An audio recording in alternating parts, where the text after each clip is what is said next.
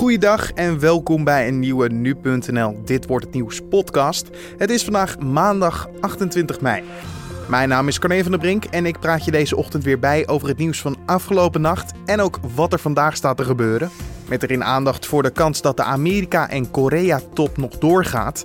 Waarom is dit eigenlijk belangrijk voor Donald Trump? En, en ook wel natuurlijk van ja, ik kom dan sowieso in de geschiedenisboeken als iemand die wel iets bereikt heeft wat mijn voorgangers zoals Obama, Bush en Clinton nooit van zo lang zal ze leven bereikt hebben. En hoe groen is Nederland eigenlijk? Maar eerst kijken we kort terug naar het belangrijkste nieuws van afgelopen nacht. Bij de zoekactie naar de twee duikers die sinds zaterdagavond vermist worden in de haven van de Zielse plaats Scharendijken is zondagavond een lichaam gevonden. Het gaat om een van de twee duikers. Een woordvoerder van de politie laat weten dat de vermiste duiker tegen het einde van de avond werd gevonden. Vlak voordat de zoekactie werd beëindigd, trof een duikteam van de marine het lichaam aan. De zoekactie naar de tweede duiker wordt vandaag voortgezet. Rabobank is zondagavond opnieuw getroffen door een zogeheten DDoS-aanval. Er waren problemen met zowel internetbankieren als mobiel bankieren. Rond twee uur in de nacht waren deze problemen verholpen. Ook ABN AMRO had zondagavond korte tijd te maken met de DDoS-aanval, waaronder een aantal diensten niet beschikbaar of traag werkten. Het is de tweede keer in korte tijd dat beide banken zijn aangevallen. Het vertrouwen van mensen in de medemens en in instanties is licht gegroeid in 2017. De afgelopen jaren is een geleidelijke stijgende lijn te zien. Dat blijkt uit het onderzoek Sociale Samenhang en Welzijn van het Centraal Bureau voor de Statistiek. Het vertrouwen in instanties als de Tweede Kamer en de Europese Unie is ook licht gegroeid. 43% van de mensen heeft vertrouwen in de EU en 41% in de Tweede Kamer. In Oost-Groningen is het vertrouwen in de medemens het laagst. En dan kijken we naar het nieuws van vandaag, oftewel dit wordt het nieuws. Dit weekend werd bekend dat de Amerikaanse regering twee medewerkers naar Noord-Korea heeft gestuurd. Met het doel om te praten over een mogelijke top tussen de Amerikaanse president Donald Trump en de Noord-Koreaanse leider Kim Jong-un, nadat hij eerder werd afgeblazen. Wij vroegen aan Amerika-deskundige Willem Post waarom de Amerikaanse regering deze beslissing heeft genomen. Ja, dat betekent toch dat Trump uh, ziet dat er wat te halen valt. Hè? Want anders had hij het echt niet gedaan een soort zigzag eh, de diplomatie, persoonlijke diplomatie die Trump toch vooral voert. Van eerst wel en de Nobelprijs voor de vrede heb ik binnen handbereik. Hè. Dat zegt iedereen, hè, zo zei Trump. Dat verdien ik. En dan opeens weer het afzeggen. En nou, ja, dat, Trump beledigd was over toch wat bozige taal vanuit Noord-Korea. Ja, en dan nu plotseling dit.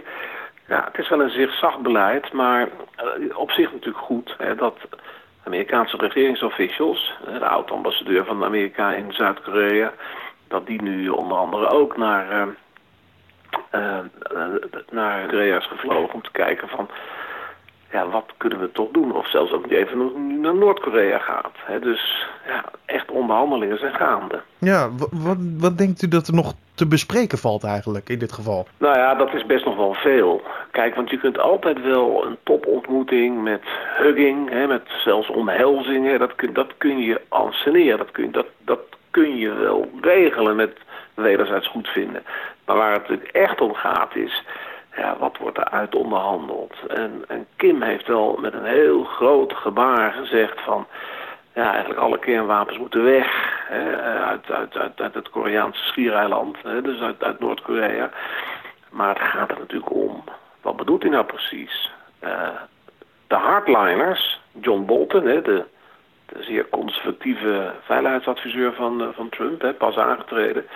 Ja, die, die heeft gewoon klip en klaar gezegd van dat moet allemaal worden opgeruimd en, en, en, en dan kan hij een enkele beloning krijgen. Bijvoorbeeld eh, sancties, verlaging of zelfs economische hulp vanuit de VS. Ja, en kijk, eh, het lijkt erop, en daar, daar zit wel de hoop dat Trump en ook wel een paar andere uh, mensen uit zijn kabinet, zelfs ook minister uh, van Buitenlandse Zaken Pompeo, was altijd wel een hardliner als oud-directeur van de CIA, maar is ook wat gematigder geworden. Eigenlijk net een beetje als Trump.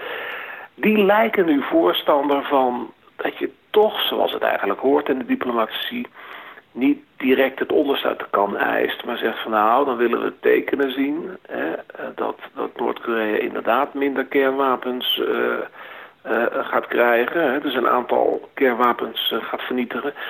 Maar dan tegelijkertijd, na de eerste tekenen van, van goede wil... dan kunnen we toch wat van die sancties gaan verlagen. Het hoeft niet direct binnen, bij wijze van spreken, een maand... dat je al die, als dat al technisch zou kunnen hoor... maar dat je al die nucleaire wapens vernietigt. Nee, dat moet dan een toch iets wat meer geleidelijk proces zijn van aan beide kanten... Uh, water in de wijn doen. Ja. kijk, dat is wel de moeite waard, hè, als daar nu over gepraat wordt. Zeker, maar het klinkt ook weer voor heel veel mensen, denk ik, niet als de Amerikaanse president die we nu in acht hebben, natuurlijk, Donald Trump. Die staat een beetje bekend als iemand die snel uh, best wel flinke knopen durft door te hakken. Kijkend naar het stoppen van de Iran-deal en uh, in dit geval de Korea-top. Zou hij spijt hebben van sommige beslissingen? Ja, kijk, wat je denk ik niet moet onderschatten is... Uh, Trump is in die zin ook wel echt een politiek dier. Hij, hij, hij ziet natuurlijk hoe hij in eigen land met dat Russia Gate... en al die medewerkers die nu met meneer Mueller gaan samenwerken... eigenlijk een beetje tegen Trump zelf, hè... Uh, zijn, zijn oud-medewerkers zoals Paul Manafort en anderen. Hij ziet dus dat het, nou ja, dat dat wel heel erg moeilijk gaat worden in eigen land. Ja, wat denk je? Als er zo'n historische deal gesloten wordt met Noord-Korea ja, dan schiet Trump in de, in, in, in, in ja, de waardering van de Amerikanen en van misschien wel de hele wereldbevolking, schiet hij natuurlijk omhoog. Hè? Dus ik weet wel zeker dat iemand als Trump dit ook meespeelt. En, en ook wel natuurlijk van ja, ik kom dan sowieso in de geschiedenisboeken als iemand die wel iets bereikt heeft wat mijn voorgangers zoals Obama, Bush en Clinton nooit van zo lang zal zijn leven bereikt hebben. Ik wel. Zie je wel, ik ben de ultieme dealmaker. Niemand kan het beter dan ik. Want dat succes, dat moet echt natuurlijk op hem afstralen. Hè? Daar waar we weten dat de Zuid-Koreaanse president Moon... dat hij ook wel een hele belangrijke bemiddelende rol speelt. Maar Trump heeft hem al wel laten weten van... Ja, je moet mij ook wel veel credits geven, want... Uh, ik heb toch wel een hele belangrijke rol te spelen. En die Moon, die Zuid-Koreaanse president, die doet dat ook. Die, die, heeft ook gezegd, nou ja, Trump verdient eigenlijk de Nobelprijs voor de vrede. Als dit gaat lukken, en dat gaat waarschijnlijk lukken, dan, dus die paait hem heel erg. Ja, dat is wel een slimme manier om met Trump om te gaan als je wat wil bereiken. Kijk het nu even terug afsluitend naar deze situatie.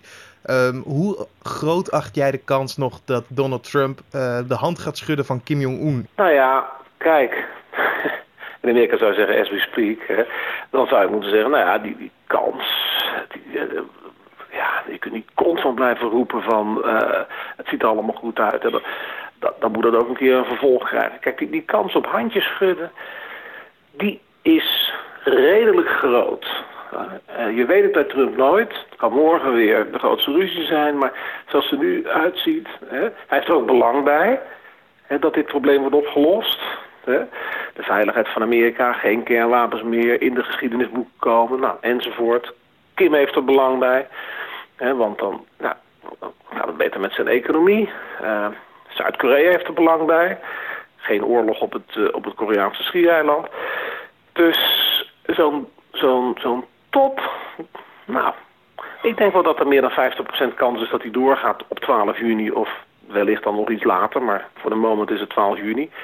Maar het gaat natuurlijk om de details. En je zegt wel vaker, de duivel zit in de details. Maar dat is zeker bij zoiets als een, als een nucleair akkoord, wat het dan toch deels is. Ja, dan gaat het echt, echt over de punten en de komma's en de cijfertjes en de controles en de wapeninspectors toelaten. Dat, daar moet je eigenlijk maanden, maanden voor uittrekken. En dat gaat nu wel heel snel. Dus ik denk dan dat het wel handjeschudden wordt. Maar dat er nogal wat vervolgbijeenkomsten moeten zijn. Maar goed, dan zijn we in ieder geval toch wat verder. Je hoorde Amerika-deskundige Willem Post. Vandaag gaat de hoge beroepszaak verder van de staat tegen klimaatorganisatie Urgenda. De zaak draait over het bespreken van de uitstoot van broeikasgassen. In 2015 oordeelde een rechter dat de overheid zich in moet spannen om de uitstoot van CO2 in 2020 met 25% te hebben gereduceerd ten opzichte van 1990. De staat was het echter niet eens met deze uitspraak en ging in hoger beroep. Zelf waren wij benieuwd hoe groen Nederland op dit moment eigenlijk is. Goed of doen we dit juist slecht? Dat hoor je van hoogleraar Milieubiologie van de Leidse Universiteit Peter van Bodegom. Wat, Nederland heeft een, een, een progressieve uh, aanpak, vind ik zelf. Nederland heeft natuurlijk het klimaatakkoord gesloten, het nationaal klimaatakkoord gesloten. Waarmee ze 49% minder uitstoot in 2030 willen halen ten opzichte van 1990. Nou, dat is progressief, want dat betekent dat ze in 12 jaar tijd enorm veel minder uitstoot moeten halen. Binnen de EU wordt gericht nu op 40% minder uitstoot voor de hele EU als totaal. Dus Nederland die heeft een grotere ambitie dan gemiddeld in Europa. Qua ambities uh, vind ik dat Nederland nu de boel wel aan het oppakken is. Als je kijkt naar het klimaatakkoord, dan zie je dat, uh, wat ik daar heel goed aan vind, is dat er uh, diverse sectoren die grote uitstoten veroorzaken van kooldioxide, allemaal één voor één worden aangepakt. dus het wordt niet alleen op één sector gericht. Ik denk dat dat heel goed is. Als je echter kijkt naar de uitvoering daarvan, ja, dan denk ik dat daar nou ja, nog wel wat onduidelijkheden over zijn het kabinet lijkt nu vooral in te zetten op een aantal technocratische oplossingen. Ze willen groot veel halen uit het sluiten van de kolencentrales. En ze willen veel halen uit de opslag van uh, kooldioxide onder de grond. Wat, wat twee relatief technocratische uh, oplossingen zijn. En, en, en nou, wat ik zelf een klein beetje daarin mis, hoewel ze daar wel voor staan, is een integrale aanpak. Kan u dat nader toelichten inderdaad? Nou, het, het kabinet zegt van nou, we hebben vijf sectoren die, die, waar uh, uh, het een en ander in moet gebeuren. daarvoor zijn sectortafels ingericht en die moeten aan de gang om daarin concrete maatregelen te gaan realiseren. Daarbij geeft het kabinet wel aan van nou, tenslotte moeten wel integrale oplossingen komen die dus tussen sectoren elkaar kunnen versterken. Ja. Maar het wordt mij niet duidelijk hoe ze dat voor elkaar willen gaan krijgen. Want het kabinet ziet zichzelf vooral als aanjager van de transitie, deze klimaattransitie. Uh, zonder heel erg sterk aan te geven hoe ze die integratie voor zich zien, concreet. Is, is dat misschien ook het lastige ervan? Dat, dat er heel veel wegen leiden naar Rome? Of is het juist dat er niet een duidelijk zicht erop is? Uh, beiden. Uh, op zich, uh, um, ik denk dat de inventarisaties die gemaakt zijn over welke uitstoot zit nu waar, die, die zijn denk ik vrij helder en scherp. De vraag is meer van op het moment dat je nu op basis van de huidige uitstoot gaat kijken hoe je, ga, hoe je daar de klimaatdoelen kan gaan halen, ja, dan, dan blijf je toch een klein beetje hangen in wat nu makkelijk haalbaar is en wat nu, eh, het kabinet zegt zelf ook, het moet kostenefficiënt zijn. Maar dan mis je voor mijn gevoel de mogelijkheden om tot een echte integratie te komen dus dus uh, uh, de verschillende sectoren zijn aan de, gaan elk aan de gang. Dus... Precies, en dat is het gevaar inderdaad dat je mee hebt. Anders maar blijft het maar ontwikkelen, maar niet in de goede richting. Nou, ze, ze krijgen opdrachten mee. Elk van de sectortafels eh, krijgt een opdracht mee. Jullie moeten zoveel megaton CO2-reductie op gaan leveren. Nou, wat ik daarvan uitga is dat uiteindelijk die dingen bij elkaar gecombineerd gaan worden of tot een totaalplaatje. Maar aan het eind van de rit moeten die al die maatregelen in een bepaald landschap plaats gaan vinden. En in dat landschap zou het ook best nog wel eens kunnen komen dat een, een maatregel die sector 1 bedenkt, uh, conflicterend kan zijn met een maatregel die sector 2 bedenkt. Of juist doordat ze zeg maar ieder afzonderlijk aan de tafel gaan, juist hele mooie opties worden gemist om tot een echte uh, transitie te komen die over het totale landschap heen gaat. En, en, dat is een stukje wat ik hier een beetje mis. En dan kijken we alleen nog naar Nederland inderdaad. Eh, eh, kan, kunt u ook duidelijk zien of daar een groot verschil tussen zit met andere landen? Nou, dat is op dit moment moeilijk te zeggen. Na het Parijsakkoord zijn eigenlijk elke verschillende landen zijn nu ieder afzonderlijk aan de gang met hun eigen klimaatakkoord of een equivalent daarvan. Ik heb er niet heel veel zicht op in hoeverre op maatregelniveau daar onderling over wordt gecommuniceerd. Ik hoop dat dat gebeurt, maar dat, kan ik niet zien. Ik weet alleen dat elk land op, afzonderlijk een bepaalde target heeft gesteld van zoveel redu reductie moeten we gaan halen. Nogmaals, of, of dat inderdaad op maatregelniveau uiteindelijk in de uitwerking elkaar kan versterken of, of elkaar gaan tegenwerken, daar heb ik geen zicht op. Maar dat zou zomaar kunnen gebeuren. Je hoorde hoogleraar Peter van Bodegom van de Universiteit Leiden. Dit gebeurt er verder vandaag nog. Circa 80 medewerkers van de penitentiaire inrichting in Alphen aan de Rijn zullen hun werk van 10 uur tot 2 uur neerleggen. Zij doen dit omdat minister Kasia Ollongren van Binnenlandse Zaken weigert om het loon van de ambtenaren met 3,5% te verhogen. De werkonderbreking is onderdeel van een reeks acties die Rijksambtenaren organiseren voor een betere CAO. En dan kijken we waar onze collega's vandaag over schrijven. Provincie en gemeente Utrecht gaan het Rijk vragen een investering te doen van miljarden euro's om de bereikbaarheid van de regio te garanderen. De Volkskrant schrijft dat de stad Utrecht een tweede intercity-station nodig heeft en een nieuwe hoogwaardige openbaar vervoering van tramlijnen en snelbussen om de stadsregio heen. De investering is nodig omdat het aantal inwoners in de regio in rap tempo groeit. In 90% van de zedenmisdrijven is de dader een bekende van het slachtoffer. Dat zegt zedenspecialist bij de nationale politie Jet van Maastricht in het AD.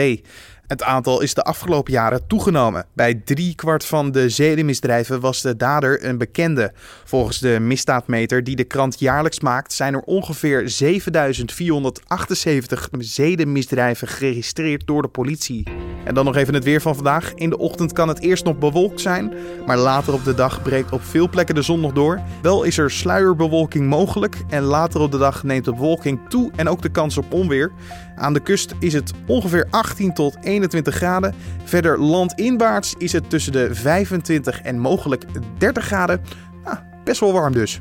En dan nog niet. Een goed bewaarde eerste uitgave van de Atlas Major uit 1662 van de Nederlandse cartograaf Johan Blauw is voor 600.000 euro onder de hamer gegaan bij een veilinghuis in Brussel. Het veilinghuis meldde zondag dat een Belgische privéverzamelaar het elfdelige werk heeft gekocht. Deskundigen hadden verwacht dat de Atlas Major tussen de 250.000 en 350.000 zou opleveren. Dit was dan de Dit wordt het nieuws podcast voor deze maandag 28 mei. Je vindt de Dit wordt het nieuws podcast natuurlijk elke maandag tot en met vrijdag om 6 uur ochtends op de voorpagina van nu.nl via je desbetreffende podcast app of natuurlijk via Spotify. Vind je dit nou een fijne podcast? Laat het ons weten via een recensie op iTunes. Ze help je namelijk ons ook weer vinden voor anderen. En ook via een mailtje naar redactie.nu.nl. Voor nu wens ik je een mooie dag en natuurlijk, zoals altijd, tot morgen.